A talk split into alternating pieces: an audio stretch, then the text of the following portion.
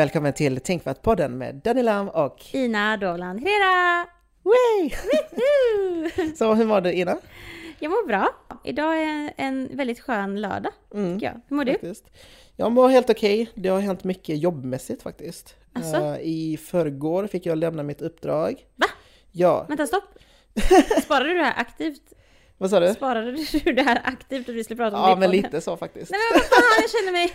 Nej men, nej, men alltså, jag är ju konsult. Ja, men- så det, ja. det kan ju hända att man får lämna sitt uppdrag eh, Exakt. på grund av rådande eh, Ja, omständigheter. det, var liksom. därför du på den här, det var därför du skapade den här intervjun. Exakt, så det vill säga att igår fick jag ett samtal och då ska jag på ett jobbintervju nästa vecka. Mm. Men, men vänta lite är vi, är vi, are you happy about this? Att, Ja men vi- alltså, det är ingen, jag är inte jätteförvånad heller för att där jag jobbade Ja. var, det var liksom, det var ont om resurser. Mm. Och sen kom corona liksom och då Mm. blev det ännu mer, okej Mm. nu måste någonting hända liksom. Exakt. Så jag är inte jätteförvånad. Samtidigt så är jag fortfarande konsult i det Ja, företaget som jag jobbar det. för. Och där finns det alltid liksom uppdrag. ehm, Som man kan ta och sånt där liksom. Exakt. Okej. Så ja, det, jag ska på intervju och det är jag lite taggad för. Men Mm. man är ju väldigt nervös ändå. Ja men det är klart, men fan, åh men då får vi alla sända ut tankar i universum här Ja, att det ska gå bra för Danny. precis. Åh lycka Så, till! ja, Men det var ju också jättekul i förrgår då att eh, liksom kollegorna hade ju någon, någon slags avtackning som men vadå, kom du så fort? du, var det så att du såhär, du Ja, alltså jag hade en, knappt en veckas förvarning liksom. Oh my De god. bara ja, nu är det så att eh, Då var det så. du får lämna uppdraget. Så jag var, jag var ju inte ensam och det var ju inte något personligt. Nej. Utan de sa, var väldigt noga med att nej men vi Tyvärr så får just de här personerna Okej. eh, gå liksom. Mm. Eh, Och det är verkligen inget personligt utan det är Men när var det sista dag då? Var det igår? Det var i förrgår. Så, Så du var ledig igår? I fredags så var jag ändå på kontoret på, hos eh, Okej. konsultföretaget. Alltså du ska inte jobba den här veckan då? Jo, det ska jag. Jaha. Men eh, det, det, det, bara, det är in, inte, inte hos kunden. ja men det första jag såg var bara ledighet. Nej tyvärr, utan eh, jag får ändå jobba fast Fast det blir liksom- konsultföretaget. Ja, jag fattar. Så det blir väl typ inhouse att jag sitter med konsultföretaget. Och så finns det väl lite små projekt som man kan Mm. jobba med tills man hittar ett uppdrag. Liksom. Okej, shit UX-konsult alltså. Yes. Det, men, du, men du är väl ändå, ja, men du är väl ändå ganska, den yrket, det yrket är väl ganska säkert eller? Ja, det ska jag säga. Det är inte som med programmerare. De har Nej, ju jättemycket jobb att välja och vraka mellan. Men ej, vänta lite nu då. Då vill jag också bara säga att om det är någon där ute som behöver en UX-konsult så finns Danny Lamp att anställa just nu. Nej, men jag ska på intervju, okej? Vi får Okej. se hur det Det bara stressad. Nej, Eller hur? Nej, så det, det är väl det som har hänt för Shit. mig. Ja, jag fattar. Ja, men det var ändå två veckor sedan vi sågs ju. Ja, Eller? Nej, vi, är ju, fast vi hörs ju varje dag. ja det, det, bara för att vi släpper ett avsnitt varannan vecka så Ja. det blir en annan grej för att vi spelar ju in avsnittet typ nästan en vecka innan. Ja, men exakt. Så då blir det att man ses typ varje vecka. Ja, men exakt. Ehm, Ja, men jag fattar. Shit, då måste det varit en, en, mycket, en, ja, en omväldigande tid för dig typ. Ja, det var ett mycket överlämning och sånt. Ja, alltså, det. I och med att det kom ganska plötsligt så har jag fått eh, ja, eh, träffa kollegor liksom och eh, föra över mitt arbete. Shit. Ehm, Ja. Så det är det, det lite, lite tråkiga är ju att man lämnar liksom allting ganska plötsligt när man Mm. har jobbat med det i ett halvår. Corona alltså. Yes, thank you Corona. Thank you so much. Ja, hur har Corona påverkat dig? Nej, eh, alltså för inte... Nu börjar jag ju äntligen komma tillbaka till mina rutiner typ. Mm. Jag, den här hösten har ju verkligen för mig varit så här att komma tillbaka till eh, livet typ. Som jag har, sagt tidigare så gick jag ju min, jag blev färdig med min utbildning i våras och Mm. allting blev ju på distans. Som det var för typ alla universitetsutbildningar. Så jag pluggade ju på distans liksom sista typ veckor, tio veckorna på terminen för att eh, läsåret blir det ju, eller ja, alltså i våras.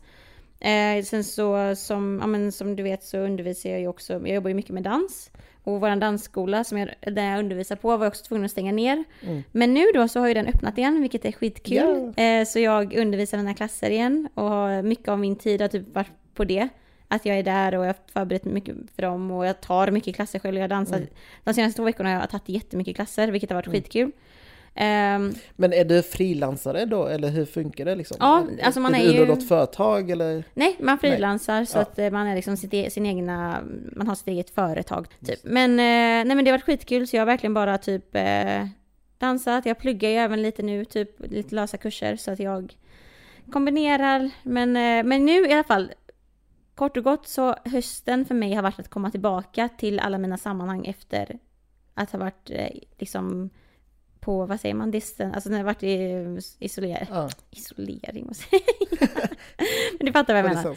Så att det har haft mycket för mig faktiskt. Ehm, men Vad, vad, är det- vad är det för dans du brukar liksom? Det är ju, det är, jag undervisar ju, eller jag, jag har ju tränat de flesta streetstilarna, Mm. mest intresserad av hiphop. Eh, och jag undervisar typ koreografi kan man säga. Det är typ eh, en, liksom mer den kommersiella delen av streetvärlden där man sätter ihop en koreografi och lär ut till elever. Oh, men hur, hur kom du på sånt då? Alltså är det... Nej, men för mig är det liksom, jag kan ju inte dansa på, för fem öre liksom. Men jag tycker ändå det är intressant för att det är ju, det är ju helt annan värld för mig. Och det är ju Mm. skitkul, jag hade velat lära mig koreografi. Jag tycker det är jo, kul. liksom. vi har ju haft våra moments.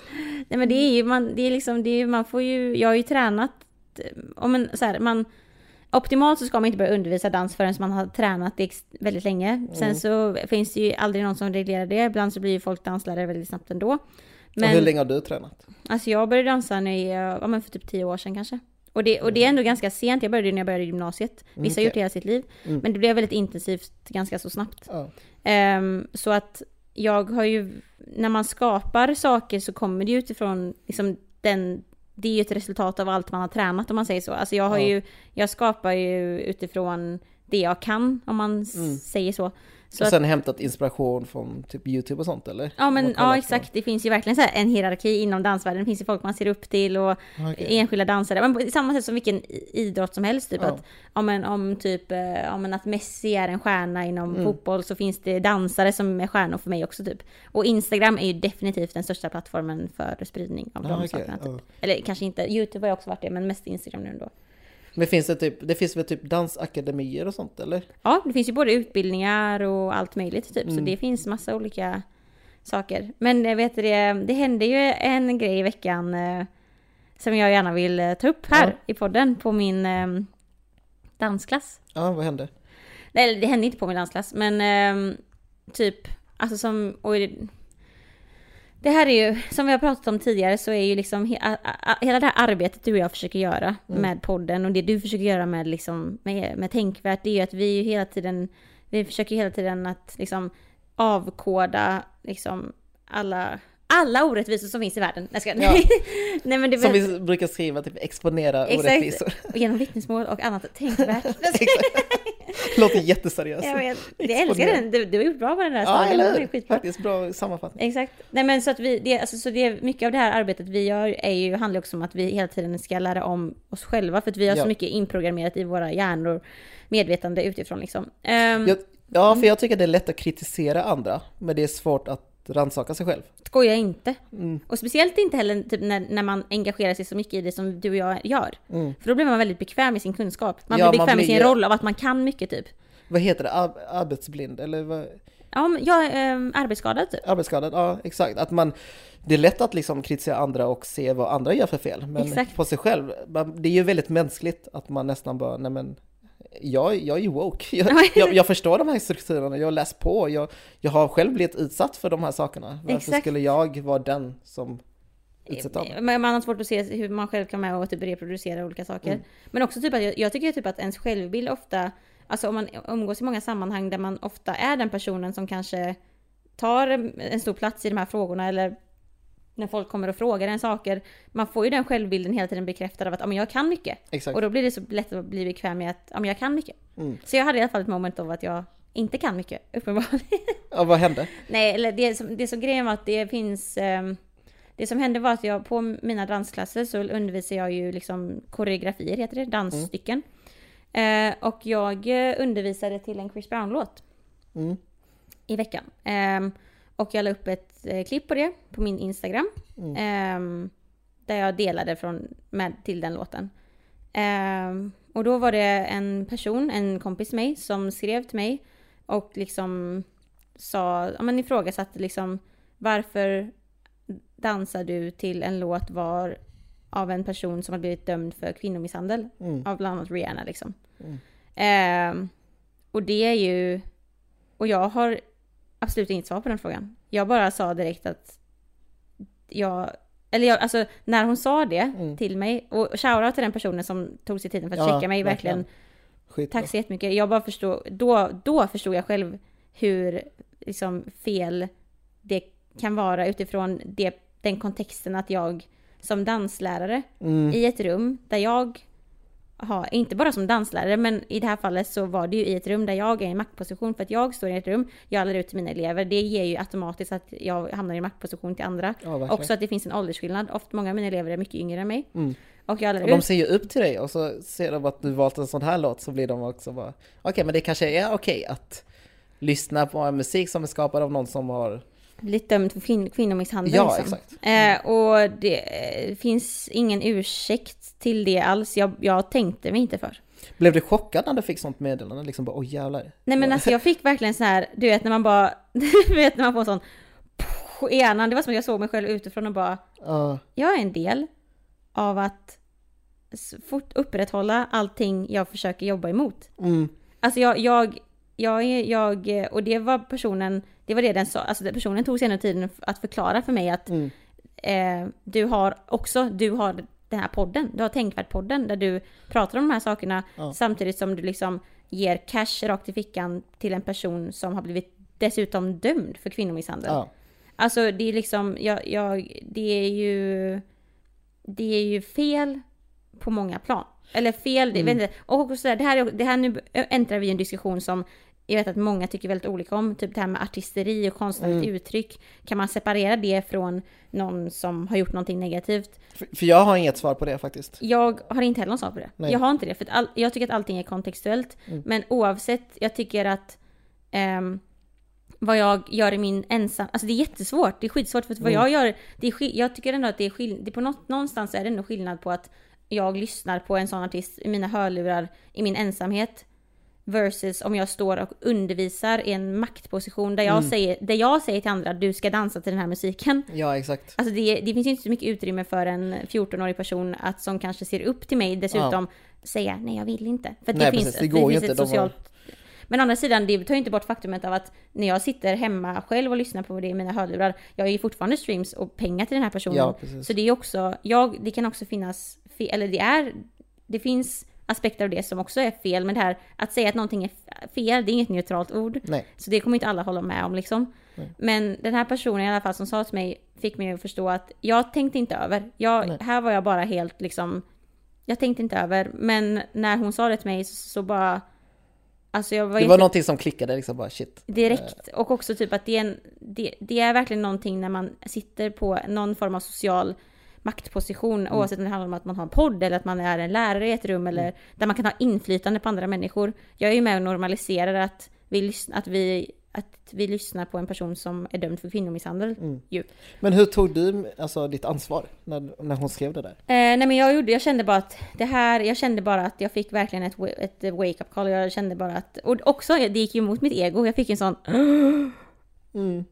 Det gick emot den självbilden jag hade av mig själv så jäkla hårt för det här med att man är så bekväm med sitt, eh, liksom, eh, ja men jag kan Mm. mycket och sånt där. Så jag kände bara att jag vill, eh, jag tar bort den här, ehm, jag tog bort den videon jag hade lagt upp på min Instagram. Mm. Och jag la bort allt som jag hade dokumenterat från den klassen. Mm. Ehm, för detta var i tisdags och nu är det ju lördag.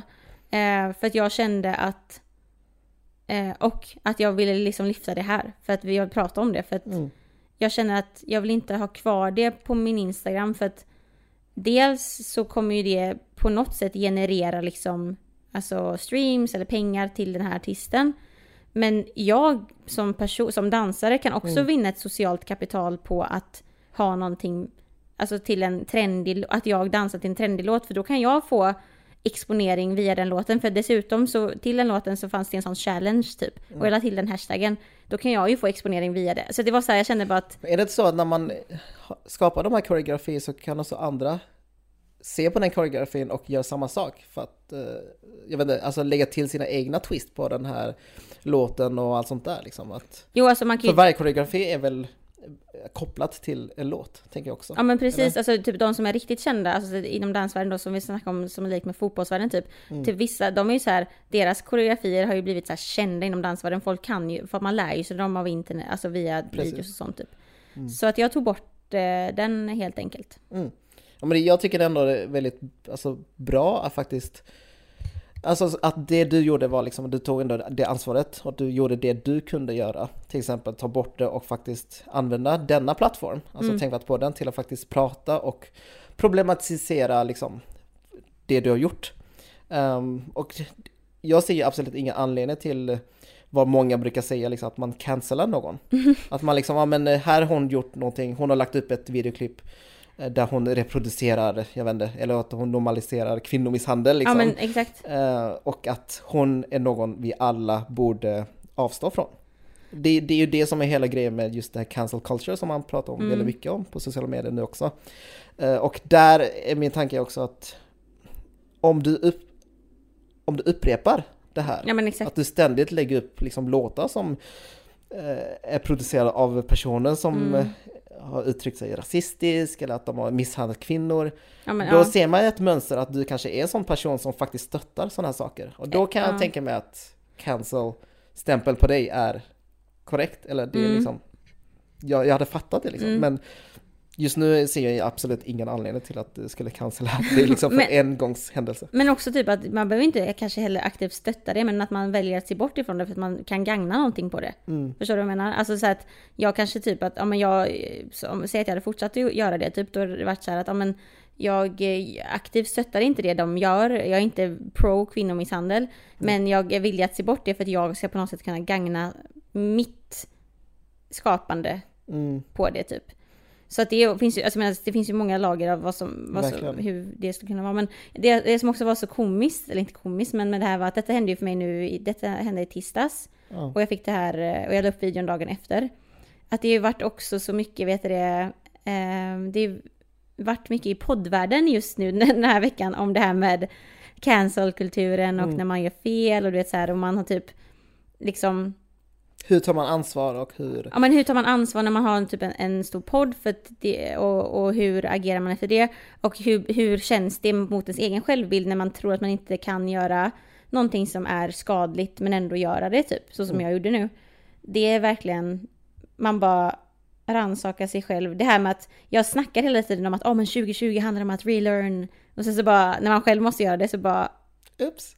Ah, Nej men alltså det är sjukt mycket man får tänka på hela tiden. Mm. Alltså det handlar inte bara om kvinnomisshandel utan man får tänka på alltså, rasistiska strukturer, hur man pratar och vilket språk man använder. Mm. Det är så mycket som man hela tiden får tänka på.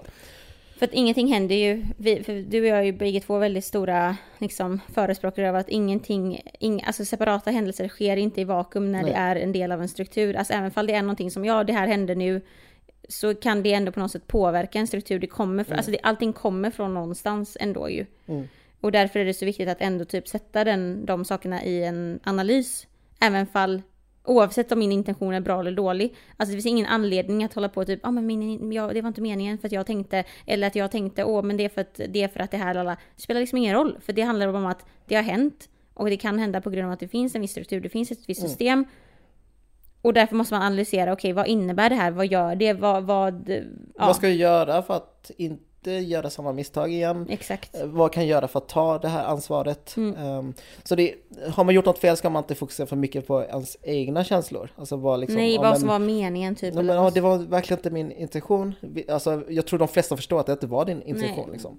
Men eh, försök ta en ansvar. Okej, vad ska vi göra nu? Exakt. Vi kan antingen utbilda, kanske lägga upp ett inlägg och prata om det. Liksom, Ja, så att andra inte gör samma misstag. Eller att man på något sätt eh, bidrar till alltså, en förbättring. mm. Eh, Det hade varit, alltså för jag vet ju om också, med tanke på att jag rör mig i de här kretsarna där vi liksom är kreativa utövare, liksom både nu dansar jag men det, det hänger ju väldigt nära ihop med andra typer av kreativt skapande.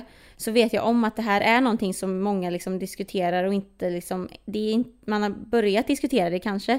Så att, eh, som vi alltid säger, återigen, om någon, vill, om någon har någon tanke om det här eller inte håller med om det vi säger eller, eller håller med eller vill prata om det. Och jag uppmanar verkligen typ också folk i den kreativa världen att vi kan väl lätt ha, alltså jag vill, jag, jag vill, jag behöver lära mig. Alltså jag vill jättegärna prata mer om det här. Så att om det är någon som vill eh, diskutera, Mm. ni vet vart vi finns. Precis. I Instagram. Veckans inlägg som vi ska prata om. Mm. Som du har skrivit om Danny. Och det handlar om här i Göteborg. Ja, det En första händelse. inlägget handlar ju om eh, här i Götet. Gbg. Det är Jensen, grundskola. Jag vet Ja. inte ens var det ligger någonstans. Inte jag heller, jag har sett, man har ju sett den här bilden cirkulera överallt nu. Ja men det ser ut som en, ett hus bara. Eller? Ja, det en, ja. I alla fall Jensens eh, grundskola i Göteborg som har infört klädkod. Där, eh, där man helt enkelt inte får bära eh, midjeväska, eller bäcknarväskor som man brukar kalla, mm, eh, eller mjukisbyxor. just det. Och anledningen till det här var ju att eh, skolan vill ha någon slags... Eh, de, de säger i alla fall att de vill krossa machokulturen och utanförskap och... Eh, Ja, de säger typ att, eh, vänta, på grundskolan i Göteborg exemplifieras mjukisbyxor och midjeväskor som icke önskvärda eftersom det kan associeras med kriminalitet och utanförskap. ja, Och att det associeras med machokultur också. mm. Och de kopplar det till de, de här specifika klädesplaggen. Mm, just det.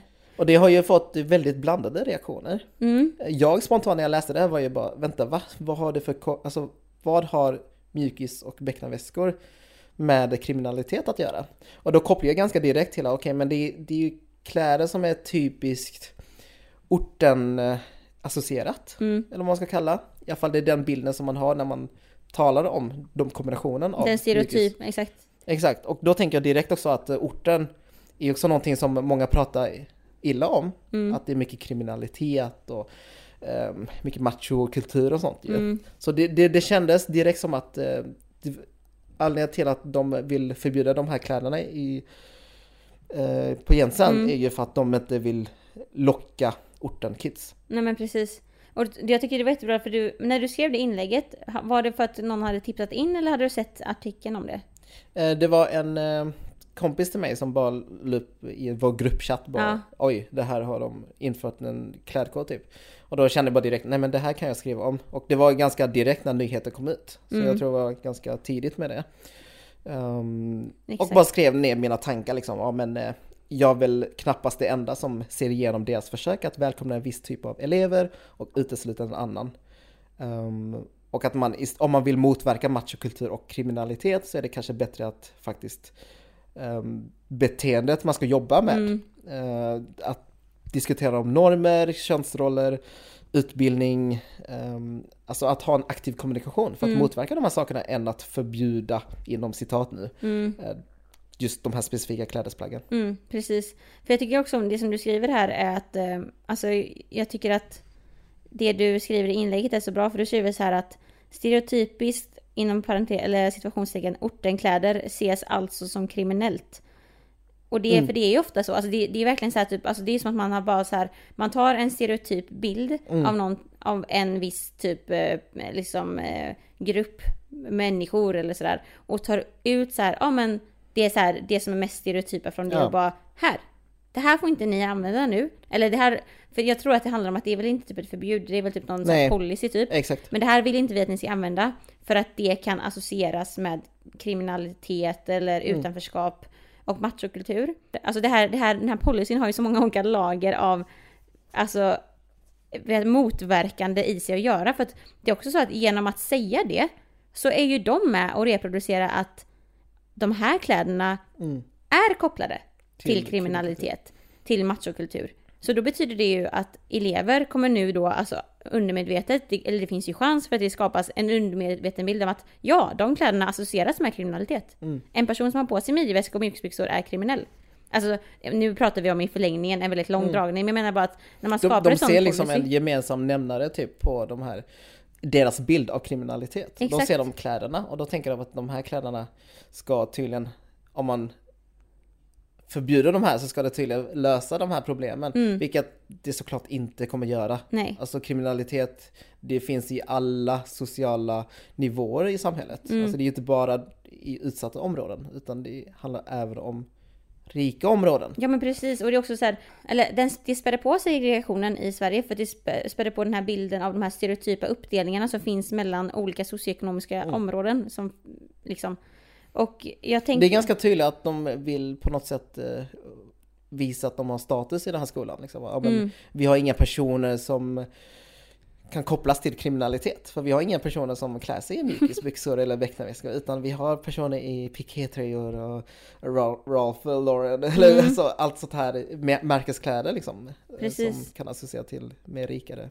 Men precis, och jag tänkte vi kan gå in lite djupare på det för att jag um, Det finns en artikel från SVT Nyheter Väst uh, som släpptes, eller artikel, det är väl bara en liten liksom Det är bara en liten sån Notis? Ja. ja som släpptes nu den 29, så nu i veckan. Jensen är ju en sån här koncern, friskolekoncern, så de har ju olika skolor, inte bara... Alltså Jensen finns ju på olika delar i Sverige. Exakt. Typ. Eh, och då så har, vet det, eh, då har ju, vet det, koncernen, alltså en person som inte är rekt, alltså som jobbar i Göteborg, men som jobbar inom Jensen-koncernen då, eh, sagt att det här har varit en, så här, eh, det har varit en feltolkning av en typ eh, en konst, alltså det har varit ett fel ut, eller uttalandet här i Göteborg har varit liksom felaktigt och tolkningen har därför blivit felaktig för det är inte så de menar typ. Alltså, vad, vad menar de då? Nej men de typ säger ju att um, friskolekoncernen Jensens klädkod har blivit en stor snackis. Inte minst sedan en rektor i Göteborg har lyft att mjukisbyxor och midjeväskor uh, som exempel på kläder som kan associeras med kriminalitet och machokultur. Men Mats Rosén, chef för Jensens grundskolor, hävdar nu att det rör sig om en olycklig formulering i Göteborg. Mm. Det exempel som har figurerat i debatten handlar om en tolkning, en tokig tolkning i Göteborg, inte våra generella riktlinjer. Budskapet är en medvetenhet om hur kläder påverkar, säger han. Så han tar ju inte till sig den här kritiken ju, utan han skyller på att nej, men det har varit en tokig tolkning i Göteborg, för att det handlar inte om det vi menar är riktlinjerna med det här egentligen. Mm. Eh, då frågar reporten honom, eh, du tror inte att det, kan, det här kan leda till att vissa känner att de inte passar in? Nej, jag tycker att det finns tillräckligt stort utrymme för att ha egen stil, men man måste förstå att det finns ett symbolvärde i kläder. Man ska vara medveten om att man kan bli sedd på ett visst sätt. Och det är liksom grundargumentet då till de här riktlinjerna om kläderna. Mm. Men om vi ser till en annan artikel här, där Jensens, eh, alltså här i Göteborg, där rektorn blir intervjuad, så kommer det också ut en del saker som man bara undrar, bara, vad, är, vad, vad är liksom, det här går ju inte ihop. Jag tror att motivet är nog inte så som det är sagt att det ska vara. För här säger han då, eh, Sebastian Nyrén Wanneryr, rektor för Jensens grundskola i Göteborg, beskriver i ett mejl till elever och vårdnadshavare som DN publicerat hur skolan har förändrats sedan starten för fyra år sedan. 90% av eleverna kom från socialt utsatta områden och atmosfären på skolan präglades verkligen, verkligen inte av den tryggheten och studieron vi är så stolta över idag. Och då menar han då att 90% av eleverna eh, då kom från socialt utsatta områden och eh, bara 10% folk från innerstan och inte socialt mm. utsatta områden. Och nu är det ju typ motsatta siffror. Att nu präglas ju då skolan av att elever som Alltså inte kommer från socialt utsatta områden. Att han är så stolt av det också. Men förstår du? Alltså det här är ju så här bara, okej, okay, alltså det, hur ska man inte kunna, alltså hur kan inte, de, hur kan inte det förväntas att man ser igenom vad det här faktiskt är? Mm. Det finns en stereotyp bild av att personer som, som uh, har på sig ett visst klädesplagg är kriminella. Det finns en förutfattad mening om att om du kommer från ett socialt utsatt område, då kommer inte det resultera i en trygg studiemiljö. Mm. Men nu när vi inte har det, då blir det en trygg studiemiljö. Ja.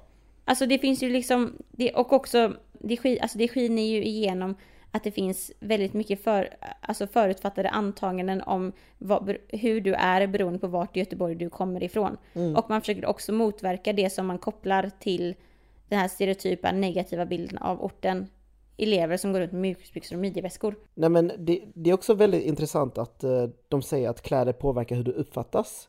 När det är egentligen mycket mer komplext än bara kläder. Det handlar ju om kombinationen av kläder och personer som bär dessa kläder.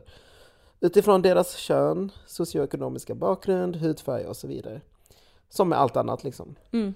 Um, för att ta ett exempel då. Är det en vit snubbe som kommer från ett uh, område med hög inkomst och har på sig eh, träningsbyxor, mjukis eh, or whatever så ses han som en idrottsmänniska som nyss tränat. Medan en eh, icke-vit snubbe från orten ses som kriminell ifall han bär liknande kläder. Mm.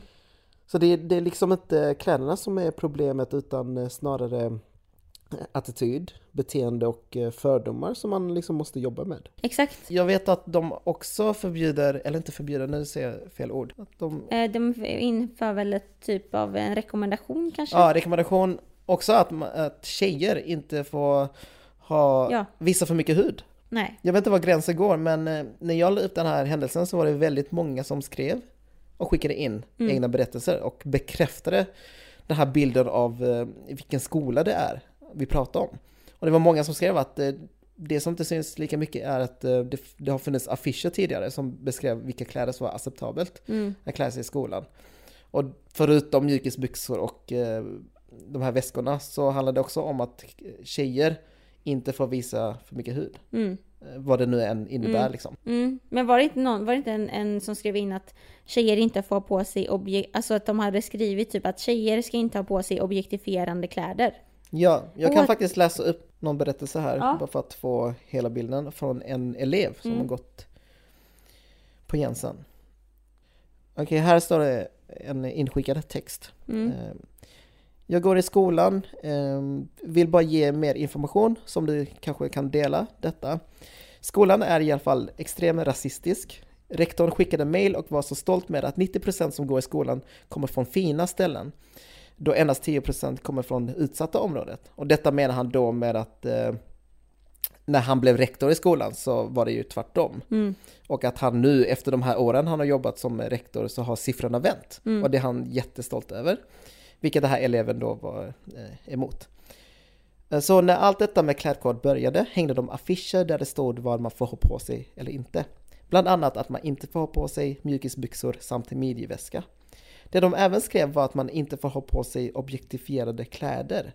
Det de menar med detta är kläder för tjejer som visar för mycket hud. Um, tjejer som, som har på sig sånt som är objektifierande och vi alla förstår ju vad det innebär. Tjejer ska aldrig få höra att de är objekt för vad de har på sig. De ringer även hem ifall man har på sig något av detta. Skrev den här eleven. Mm. Nej men alltså det är ju, jag tycker att det här är samma sak som vi pratade om tidigare, att när en rektor säger vad som är objekt, eller säger att tjejer får inte ha på sig kläder som är objektifierande, Mm. då sätter ju han agendan, eller de ledningen, på vad som är objektifierande. Då man tar ju bort kvinnan som vanligt, Mm. makten att själv diktera om när ska min kropp vara sexuell och när ska Mm. den inte vara det. Om jag, alltså jag menar, det är som den här, det, vi kommer alltid tillbaka till samma diskussion. Jag ska kunna gå runt naken utan att, okej, naken kanske var lite långt att dra det, men du förstår vad jag menar. Mina bröstvårtor exempelvis, Ja, de är ju mycket mer sexualiserade än en mans bröstvårtor. ja, Och det är någonting som, jag får inte bestämma det själv, utan det är en, en samhällelig norm, en struktur som finns. Och det är samma sak här, när han säger att, eller ledningen säger att ni får inte ha på er kläder som är ob- objektifierande. Då tar de bort min egen makt att bestämma när min kropp är sexuell och när den inte är det. Alltså jag, jag kan, om jag har på mig någonting som visar hud på ett sätt som jag inte, jag har inte på mig det för att jag vill att sexualisera min kropp. Nej. Men om den då blir sexualiserad i en mans ögon, om vi tar liksom Mm. den eh, heteronormativa bilden av det liksom. Då, då, alltså då objektifieras den ju i hans ögon. För det är han som tycker att, den, att jag är sexuell, även fall jag inte själv visar hud för att visa på någon sex... Att jag, fattar du vad jag menar? Så rektorn sätter liksom ansvaret på tjejerna istället för ansvaret på killarna som objek- objektifierar tjejer. Exakt. Det är jättestor skillnad. Det är liksom, Verkligen. istället för att säga till killar att om en, sluta sexualisera tjejer, låt dem ha på sig vad de vill och äga sina e- egna kroppar liksom. Så sätter de fokus på tjejerna istället och säger att ja, men klä dig inte så här för då kommer du ses som ett objekt. Ja. Och det, det är det, hela det som grundar sig också med, eh, med det här med mjukisbyxor och sånt där också. Prata Exakt. om beteendet, jobba med hur eh, de här grupperna blir utsatt för rasism liksom. Än att eh, sätta skulden på människor från orten, att de inte får ha på sig de här kläderna för att då sänker de statusen från skolan. 100 procent. Jag tycker många av dina inlägg den här veckan har varit väldigt, har varit väldigt spot on. Faktiskt. Ja, jag har inte skrivit jättemycket men eh, av de inlägg jag skrivit om så har det varit ganska hetsig diskussion ja, verkligen. Och det, det jag tänker på var eh, den anfallaren i eh, Ja. Norrby. Mm. om fotboll då. Jag kan ingenting om fotboll, men det här var intressant för att det handlar lite om vad definitionen av rasism är. Mm, exakt. Var Verkligen går här grund- gränsen ja. och vad är rasism? Men det handlar i princip om en person som anklagas för att ha kallat en motståndare för white boy, alltså vit pojke. Eh, vilket nu resulterar till att han blivit avstängd i två matcher på grund av rasism. Eh, han nekar anklagelsen men menar samtidigt att det var en väldigt hetsig diskussion. Så att det, det kan ha hänt att han har kallat den här vita mannen för white boy Mm. i negativt syfte. Eh, och det jag kritiserar i inlägget då var att, eh, att de kallade det för rasism. Att det kändes väldigt förminskande med tanke på hur rasismen ser ut för afrosvenskar till exempel. Mm. Att, eh, att kalla någon för white boy som är redan i en väldigt privilegierad position, som Mm. är normen i Sverige, som är den som eh, är uppe på alla de här, vad ska man säga, Maktpositioner. maktpositioner i samhället, oavsett vad vi ens kollar. Att kalla den här personen för vit pojke känns väldigt förminskande att kalla det för rasism. Och, mm. Uh, och det är jättemånga som inte håller med mig, uh, som menar att uh, ja men det är klart det är rasism. Vad skulle hänt ifall det var en vit man som kallade en svart man för black boy? Mm. Eller asian boy, eller något Ja. annat liksom. Jag tycker bara att den här, alltså jag tycker bara att det här inlägget är så bra för det kommer in på liksom det här som många pratar om, som man kallar omvänd rasism. Mm. Och liksom det begreppet. Och jag menar vi, jag är, det här inlägget exemplifierar ju verkligen typ hur lite kunskap det finns om rasism i det svenska samhället. Mm. Återigen, alltså färgblindheten, tystnadskulturen, allting som, alltså det, våran extremt lilla medvetenhet om hur rasism fungerar. För att jag tycker, alltså jag tycker personligen att omvänd rasism, det finns inte. Alltså jag tycker det. Nu Mm. pratar vi vad jag tycker, nu är det säkert folk som inte håller med. Men att, för vi, alltså det här med omvänd, det som man menar med omvänd rasism är ju då att, ja men, i det här fallet då, för den här killen som kallade eh, honom andra whiteboy var ju även svart. Ja, Så det vi pratar om nu då hade väl varit i så fall då omvänd rasism, att en svart person Mm. kallar någon eh, liksom i en eh, negativ klang, någon en white boy då. Mm. Men alltså, rasism bygger ju på en rasmaktsordning Mm. där vita människor är den överlägsna till alla andra i världen. Och, det, alltså, menar, och nu pratar vi ju, alltså nu pratar jag ju i väldigt förenklade termer här. Men det är bara för att man pratar ju om rasism i den historiska kontexten. Alltså, när vi, alltså Europa kolonialiserade resten av världen. Och det var ju samma tid som den här rasmaktsordningen och den rasismen som vi ser idag verkligen kommer ifrån. Alltså att vita är överlägsna. Det är det som hela den här rasbiologin som fanns en gång i tiden byggdes på. Alltså man letade ju till och med efter genetiska bevis på att den vita liksom, rasen då, som man kallade det då, eh, var liksom överlägsnare än alla andra. Nu pratar rasbiologi är inte någonting som liksom, vi pratar om idag. Det finns ju dock extremister som fortfarande använder sig utav det. Men jag menar bara att den rasi- alltså, rasismen bygger på rasmaktsordningen av att vitt är överlägset och allt annat kommer under. Så att då, när någon då kallar, alltså när, då, när man då ska säga någonting i, i kränkande termer och kalla någon vit. Ja, det kan vara kränkande, det kan vara jätteskadligt, det kan vara jättejobbigt på många sätt. Det kan vara diskriminerande. Men det är inte rasism, för att man blir inte utsatt för rasism utifrån den rasmaktsordningen eftersom att vita alltid är de privilegierade. Mm. Så att, att han också blir anklagad för rasism och blir avstängd på grund av det. Mm. Alltså, man, alltså alla typer som vi pratade om innan, alla typer av negativa påhopp, det är inte acceptabelt. Liksom. Vi försöker alla vi försöker leva i en värld där vi är snälla mot varandra. Men att kalla det rasism, jag Det, det, ja, jag tänker att om man har svårt att förstå vad du menar till exempel med strukturer och vad då makt, liksom, vad har, kommer maktrelationer in i den här frågan? För att det är många som kommer med motargument är att ja, men jag googlade rasism och där står det att det är någon som eh, har en idé om att ens egen hudfärg är överlägsen någon annans hudfärg. Mm. Och jag bara, ja visst, det är väldigt förenklat, men om man faktiskt kollar upp vad rasism faktiskt innebär, Mm. så kommer ju faktiskt makt in i ekvationen. Det, det handlar inte bara om eh, att vi två sitter här på soffan och kallar varandra för negativa kommentarer, utan det är ju ett, ett helt samhälle som ständigt motarbetar dig på grund av din hudfärg. Och i det här fallet är det ju svarta som är, har mest historia när det kommer till förtryck, eller rasförtryck. Vi har det liksom slavhandeln, vi har ju kolonialismen och vi har alla Imperialismen, alltså Ja. alla typer av exploatering liksom. Exakt, och allt det här måste eh, komma in för att vi lever inte i värld där allting är, händer i, i vakuum. Utan de här sakerna måste komma, alltid komma in i ekvationen. Ehm, så när vi pratar om omvänd rasism eller liknande så måste man veta att själva begreppet omvänd rasism säger ju själv redan att det finns en eh, grupp med makt och en grupp som eh, missgynnas. Mm. Som eh, blir påverkad i det här. Ja men i den här hierarkiska maktrelationen typ. Ja, och när man säger omvänd då menar vi ja men nu är det tvärtom, nu är det den som är, blir förtryckt som förtrycker en som är i maktposition. Exakt. Alltså bara den grejen, begreppet avslöjar redan sig självt att det finns en maktrelation där. Mm. Att det är en specifik grupp som faktiskt missgynnas. Verkligen. Eh, Så ja, omvänd rasism, jag tycker heller inte att det existerar. Eh, Och att eh, rasism mellan två individer där en, efter det här hetsiga debatten mellan de här två personerna, Mm. ändå kommer att ha den här ständiga statusen som privilegierad, att inte heller den är rasism. Det Nej. tycker inte jag i alla fall, för att eh, även där så sker inte diskussionen i vakuum. Nej. Exakt. Eh, Och för att de som inte förstår detta så kan man dra parallellen med eh, till exempel klass, klassförakt. Om att en rik person och en fattig person. Där har vi två väldigt distinkta grupper som där en har makt och en har inte makt. Mm. Um, om de sitter och diskuterar som vi Mm. och den eh, fattiga kallar den rika för eh, rich boy, Mm. säger vi, Mm. eh, i ett kränkande ton. Det kan vara jättekränkande för eh, den rika personen. Jag tycker det är liksom okej att Ja. det är ens egna känslor. Mm. Känn hur du vill. Men kalla inte det för klassförakt.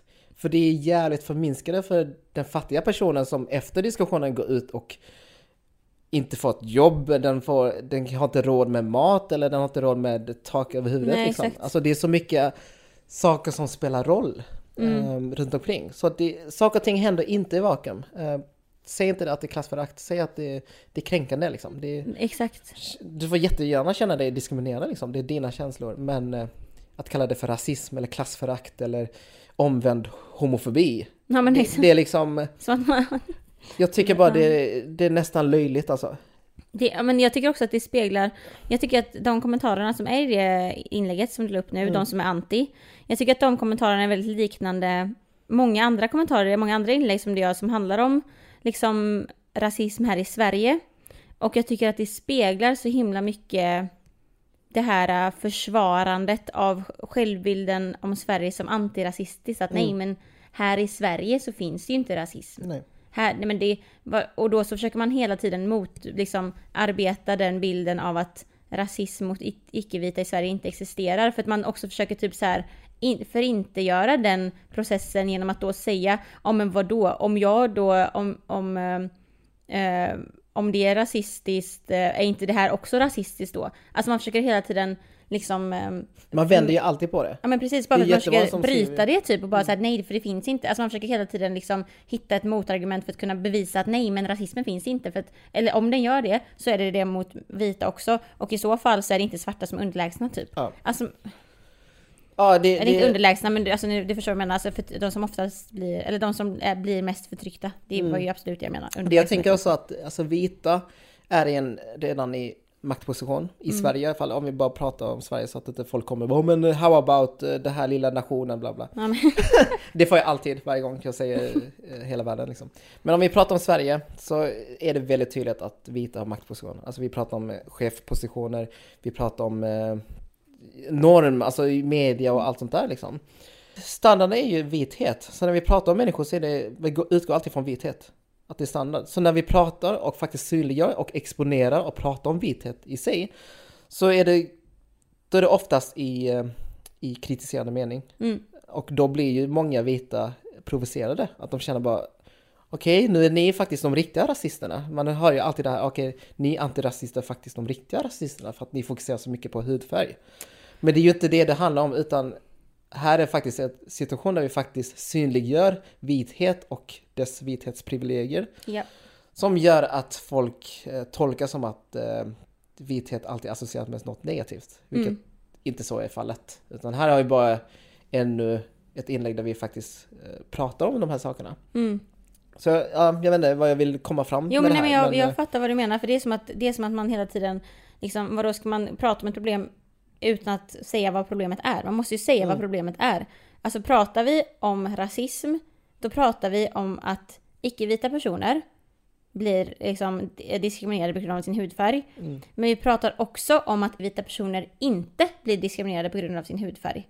Och i det Mm. i sig är ett privi- privilegium. Sen så betyder inte det att alla vita personer är rasister. Nej, verkligen inte. Alltså det är... Men det är ofta så som det tas och jag tror att det tas så bara för att om man då är en, en vit person och aldrig har fått uppleva en rasism så kan man inte förstå processerna, erfarenheterna, den egna personliga erfarenheten av hur det fungerar. Och därför så går man bara ut efter vad man har hört. Och då blir det så enkelt att anamma det själv att ja men då blir jag också utsatt för rasism, rasism. För att ni kallar mig för vit eller för att ni, pu- eh, för att ni eh, fokuserar på min hudfärg Precis. men det är bara för att man också igen inte har den här förståelsen av att hur det fungerar och Mm. Jag förstår ändå den här vita personen för att varje gång det nämns om deras hudfärg så det är alltid i sån här Mm. Ja. kritiserande inlägg. exakt. Och det är klart man kanske tänker att ja, men, så, så det är fel på mig nu för att jag är vit. Samma sak med eh, heterosexuella, när man pratar om het- heterosexualitet. Mm.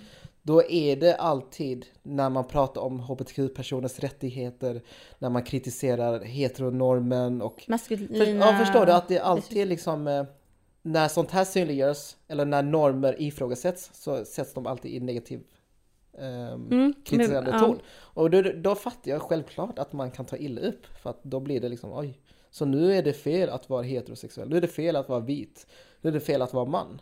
Mm. Jag förstår grejen men eh, vi måste faktiskt prata mer om det för att folk ska fatta att eh, vi inte alltid kan utgå från att alla är eh, vita eller alla är heterosexuella eller Mm, följer normen liksom. nej. Okej! Hallå, jag måste bara säga att Vadå? jag kände nu när vi pratar nu. Ja. Vi, vi, alltså varje gång du och jag, alltså bägge två blir så här när det berör oss personligen. Ja. Jag är så, jag vill så gärna sticka in, jag bara... Jag älskar så att tonen är helt annorlunda om vi pratar typ, om något kul. Det är så här, och sen bara... Ja, exakt när det är allvarligt vi bara... Jag tycker det är så svårt att så prata allvarligt. Eller jag, jag, vet inte, jag brukar prata mycket och sen bara börja tänka, okej vad vill jag komma fram till? Och sen bara försvinner det typ. Nej men du har en jättebra pedagogisk röst för det, tycker jag. Tycker du? Ja. Jag, jag vet inte om jag gillar det. Nej men typ, jag pratar och sen tänker jag bara, okej men vad vill jag komma fram till? Ja, jag förstår. Och så när jag väl, under tiden jag pratar och tänker samtidigt så Ja. tappar jag bort den röda tråden. Och bara släpper liksom... Eh, Nej, Daniel, du, du, har inte, du har en bra röd tråd. Jag däremot, jag kan inte ens slutföra en mening. Jag, det har ni ju hört. jag, Jag, tycker ändå att du, du vet vad du vill säga, även om du kanske har svårigheter att få fram det. så tycker jag ändå att du, du babblar på bra, jag. bra. Så jag, jag tänker att vi balanserar varandra ganska bra. Ja, men det gör vi, det gör vi. Ja. Det gör vi. Du, du, du är mycket mer extrovert än vad jag är, så det är Va? bara att prata på. Det- Nej, va? Okej, Okej. men jag tänker att vi, vi, kör något, eh, vi gör någonting lite roligare och det Ja. svara på alla frågor som kommit in. Yay. Eh, Vi kommer inte kunna svara på alla såklart för att det, du har dykt in eh, väldigt blandade, vissa frågor jättestora. Oj, Alltså då, då menar jag inte men jag att de är långa liksom, utan mer, eh, berör stora... ja exakt. Så jag tänker att du vet inga vi, frågor som finns men jag kan väl ta någon random bara. Ooh, Gör det. Surprise me. Surprising. Så här, det här är från Instagram stories då. Mm. Ehm, vi har en som skriver Vad är er filosofiska definition av rättvisa? Seriöst, det står så? På riktigt? Ja! Skojar du med mig? Nej, jag skojar inte. Min filosofiska... Alltså antingen så är det här någon som jag har pluggat med eller så är det någon av mina nemesis som jag fick, eh, som jag fick emot mig sist. När jag var i kommentarsfältet, du vet. Nej, vi ska inte gå in på det. Nej, vi, ska, vi ska inte outa någon. Nej, men, Alla eh, som skriver är anonyma. Mina, min, wow, vänta lite nu, filosofiska, vad var det? Definition av rättvisa. Måste, jag, vet inte, okej, jag vet inte riktigt vad som utgör en filosofisk Nej. definition jämfört med en vanlig definition, för att allting är ju filosofi typ. Ja, exakt. Men eh, om vi bara tänker på, vad är din definition av rättvisa? När har vi, när har vi uppnått rättvist samhälle i Okej, Sverige? ja. Jag vet att på engelska så finns det ju olika ord för det här som det inte gör på svenska på samma sätt. Det finns typ så här Det här är justice va? Ja, för det, här med equity och equality, jag vet inte riktigt vad som är skillnaden. Men oavsett, jag tycker att det är så här.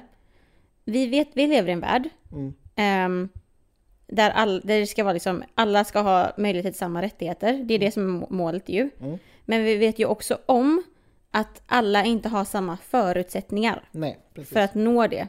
Alltså det, vi, alla ska ha samma rättigheter, men eftersom att vi inte alla har samma förutsättningar så måste vi, jag vill inte säga hjälpa till mer, men vi måste på något sätt fokus... alltså, Alltså, Anpassa ändå samhället så att, det, så att alla människor har samma förutsättningar som Exakt. du säger. Till att uppnå, jag vet inte, om det om vi pratar om rättvis utbildning till exempel eller liknande. Att man anpassar situationer till de här grupperna. Och då kan det betyda att vissa grupper kanske, vi kanske inte ens pratar om grupper, vi kanske pratar om, jag vet inte, instanser, att resurserna fördelas alltså mer på vissa, mindre på andra, för att Mm. vi redan har vissa som är privilegierade på det sättet att, ja men man, att man är vit i en värld som är Mm. rasistisk exempelvis, eller att man är en man i en, en, en patriarkal struktur Mm. exempelvis, eller att man är, he, är straight i en, alltså de pratar utifrån, Mm. vet du det, alltså allt som har med liksom, genus att göra och sånt där. Mm. Men så att jag har nog sagt, nu var inte det helt svar va, men alltså att vi måste se till att alla inte har samma förutsättningar på grund av alla destruktiva strukturer som finns. Och därför så måste vi pusha mer. För att liksom, både, Ja. ja.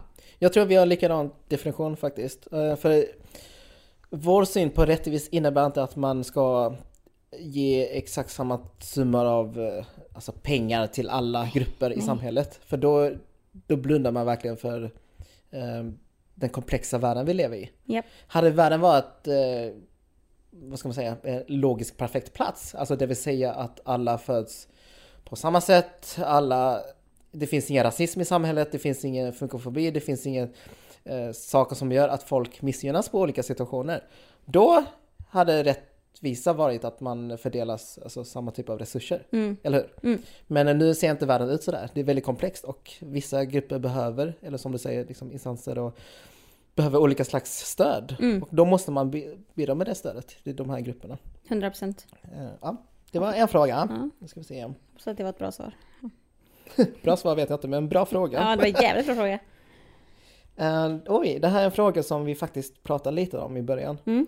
Till vilken grad tycker ni det är okej att uppskatta musik från musiker som visar sig ha skeva värderingar? Det, det var väldigt specifikt. Eh, Det var... likt det ja. du pratade om med Chris Brown. Ja men exakt. Eh, jag ska. Nej men, Men det var ju det som vi, alltså det är ju det här som vi pratar om typ, alltså det här med, det är ju en diskussion om, okej, k- eh, man ska, sitt artisteri och kulturella utövande versus vad du gör Vad på andra platser. Vad går gränsen? Vad, vad särskiljer man liksom artisteriet och eh, ens värderingar av Exakt. person? Liksom? Alltså jag, jag vet inte, alltså jag, kan, jag är jättedubbel där för att Mm. jag tror nog också att jag, jag tycker att det, en, alltså min syn på det har ändrats väldigt mycket Ja. med tiderna. Också bara för att, om vi bara ser på det senaste året, alltså rasism har alltid funnits, sexism har alltid funnits, alla de här destruktiva sakerna som händer har alltid funnits. Men det här året har ändå på något sätt tvingat oss att fokusera ännu mer på det. Så det jag skulle nog säga att för mig, för min egen del så är min toleransnivå lägre än vad den var bara för typ fem år sedan. Då hade jag nog enklare att typ kunna särskilja på något sätt att Okej, snackar vi om någon som faktiskt är dömd här då som Chris Brown? Mm. Eller pratar vi om någon som har lagt en taskig kommentar någon gång? Eller typ Mm. som inte har blivit dömd för saker? Då kanske det är skillnad. Då kanske man också har en olika toleransnivå. Men jag tror min generella toleransnivå för att liksom eh, lyssna på, konsumera Mm. någon musikartisteri. Den var, alltså min sån tröskel för vad som var okej var liksom, eh, vad säger man, högre än vad den är Mm. nu. Jag, jag skulle säga att jag är en hycklare. Men seriöst liksom att, jag tror att de flesta av oss är, är det när det kommer till eh, just Ja, sånt det, här. det är klart att För att alltså det är jätte, jätte, jätte, jättesvårt att särskilja. det är det. Det, alltså, det är jättemycket snack om J.K. Rowling till exempel. Ja men exakt. Hon har, alltså, hon har uttryckt sig sjukt eh, Transfobiskt. transfobiskt. Ja. Hon har liksom eh, verkligen eh, Senast så delade hon en hemsida där de sålde typ massa pins där det, alltså det står jättehemska saker om transpersoner. Va? Ja, alltså riktigt hemska. Jag, jag vet inte ens eh, reproducera dem här liksom. Nej men, eh, det, det bara senaste händelsen. Sen har hon skrivit eh, ja, jättemånga tweets som Mm. går till attack mot transpersoner. Så det, där liksom, ska man inte kolla på hennes filmer? Ska man inte läsa Harry Potter-böckerna? Ska man liksom, vad går gränsen? För, Det där är typ så också kopplat till cancel-kulturen som vi pratade Ja. lite om förut. För som sagt, jag är hycklare. Jag kollar gärna på Harry Potter liksom och eh, försöker liksom rättfärdiga genom att säga ja men Harry Potter eh, öppnar en ny värld för mig liksom. Att där är det liksom, eh, där får folk vara sig själva och du vet allt Mm, sånt där. hela den Liksom. grejen. Medan eh, författaren är ju helt tvärt emot. Mm. Att är du en transperson så nej. Ja, men nej, jag- nej jag, jag vet Samma inte. sak med Michael Jackson liksom. Ja, Jag men lyssnar exakt. på hans musik, inte att jag aktivt lyssnar på det men kommer det upp så dansar jag gärna med, till exakt. det liksom. Jag upp munnen, Moonwalkar. moonwalkar liksom. När det kommer upp. Och eh, där är också mycket snack. Jag, jag vet, han var ju inte dömd för någonting. Gud, jag, jag har faktiskt inte kollat på den dokumentären. Nej, Men nej men jag, alltså det är jättebra och jag skulle inte säga men jag eh, Alltså jag är också hycklare uppenbarligen. Alltså det märkte vi bara i veckan att jag är. Så att jag menar bara att det är eh, Det är skitsvårt och jag, vi har absolut inga svar. Men jag tycker att Alltså det viktiga här nu är att vi reflekterar liksom. mm, Och ändå gör aktiv och, och så bara tänka över sina val generellt. Alltså vi är ju Precis. faktiskt i en tid nu, no joke, där vi inte Vi har inte varken tid eller råd att inte Nej. tänka på valen vi gör exakt. i allt i våra liv. Allt som vi konsumerar, om, oavsett om det handlar om att vi konsumerar musik via en streamingtjänst, eller att vi handlar fast fashion, eller att vi stöttar ett eh, typ, ja, jag vet inte, köttindustri. Jag vet, alltså vet, alla val Ja, man gör, alltså vad- det är så här, man måste påverkar ju, Exakt, liksom. allting är ju i större kontext. Så jag tänker att ehm, Kanske låter jävligt vag i mina svar just nu, men jag vet inte, jag tycker att det är jävligt, jag vill Det, säga... det handlar ju mycket om cherry picking. Ja men gud eller ja, hur? 100 procent. Alltså det är typ, nej men jag till exempel har aktivt valt att inte lyssna på R. Kelly. R. Kelly exempelvis, exakt. Bara för att jag gillar inte hans musik. Då Det var, kan- a easy pick for det me. är jätte cherry picking att liksom bara känna att nej men jag gillar inte hans musik, han har gjort sjukt äckliga saker. Mm. Och då kombinerar jag de här två och bara säger, ja men jag bojkottar R. Kelly Det för att för- han är en äcklig eh, våldtäktsman liksom. Ja, Alltså det, Versus hur det har varit med J.K. Rowling då ja exakt, För du jag har varit med saker. eh, MJ som har sjukt bra musik. Som man bara måste älska och det man uppväxt med liksom. Mm. Och eh, det finns så mycket historia om honom liksom, Mm. och vad han har gjort innan sin, Exakt. sin, sin död.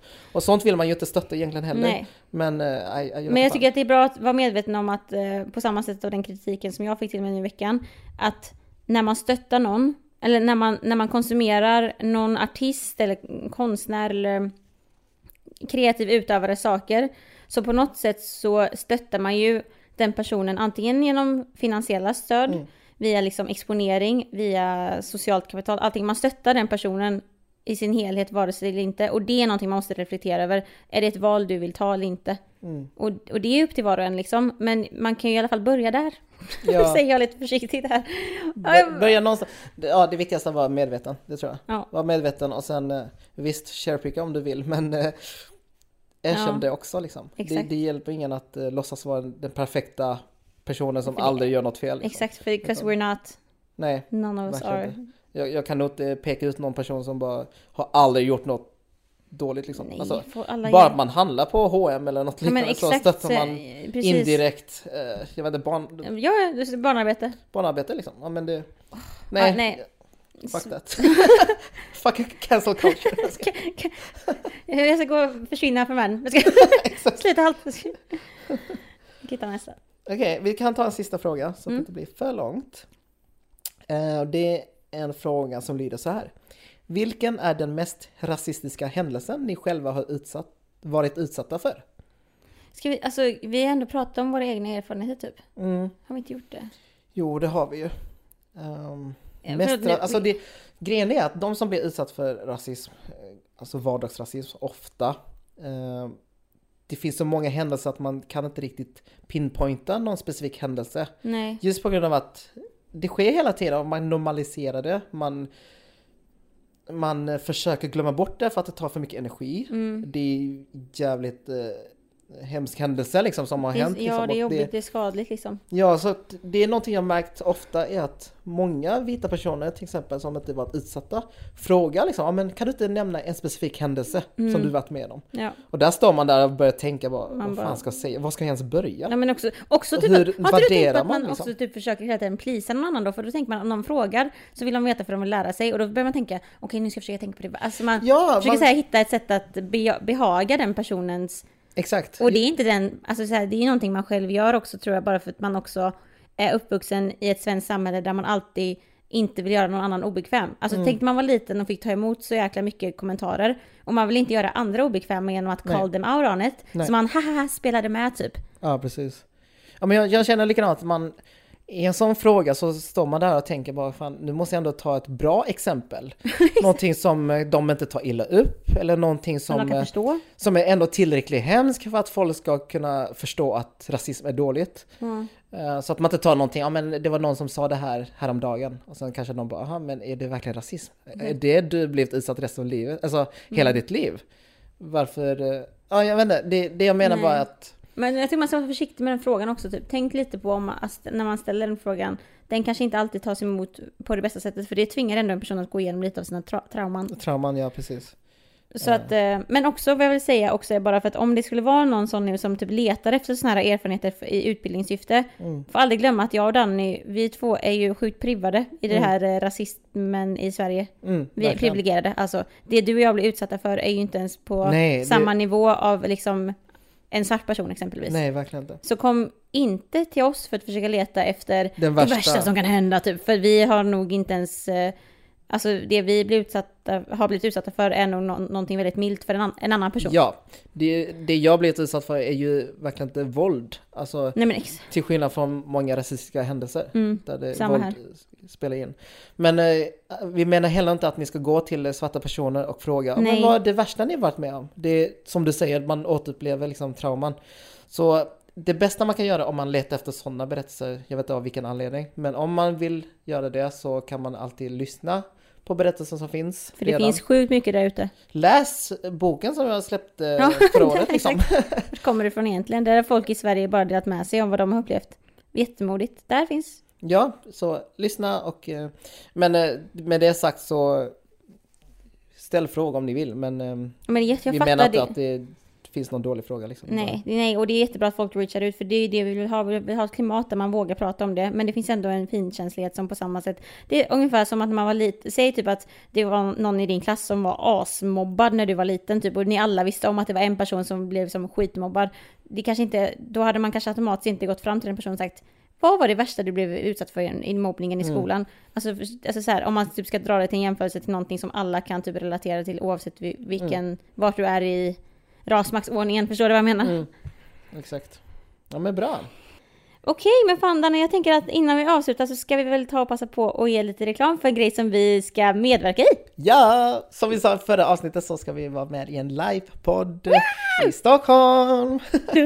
och det här avsnittet släpptes ju på en onsdag. Ja. Och eh, under hela den här veckan är det ett evenemang som anordnas av Cinema Queer. Det kan ni gå in på deras hemsida och läsa på lite mer om vad de gör. Mm. Men eh, i princip så är det ett evenemang där man lyfter liksom olika hbtq-frågor. Mm. Allt från eh, lyfta kreatörer till eh, jag vet inte, aktivister. Ja, som vi- performance typ också. Ja, Ja. precis. Och drag queens och liknande. Så det, det vi kommer göra är att på lördag så kommer vi att ja, ha en livepodd Mm. för personer som, Är på det här eventet typ. ja precis. Så vi kommer lägga upp mer info på Instagram stories. Så kom jättegärna så hade vi jättekul att träffa er. det varit jättekul och vi, som sagt, det här eventet verkar skitfett och vi är jätteglada och ärade att blivit inbjudna till det här. För att de som arrangerat har verkligen gjort ett grymt jobb. Så att eh, shoutout till dem. Och eh, kom förbi och hör av er om ni kommer. Det blir skitkul. Kolla deras hemsida, där ser ni biljettpriser och allt liknande. Ja, och innan vi avslutar så tänkte vi bara ge shoutout som vanligt till våra nya patrons. Wohoho! Vi har Sofie, Hej! tack så mycket. Vi har Lotta, Go tack så Lotta! jättemycket. Och Cecilia. Cissi! Yay! My girl! Vänta, vadå, vet du vilka det Nej, var? jag vet inte. Hon bara, my girl. My girl! Ja, så tack så Bästa. jättemycket. Tack så mycket. Ehm, Så hörs vi till nästa gång. Ja, vi ses. Bye!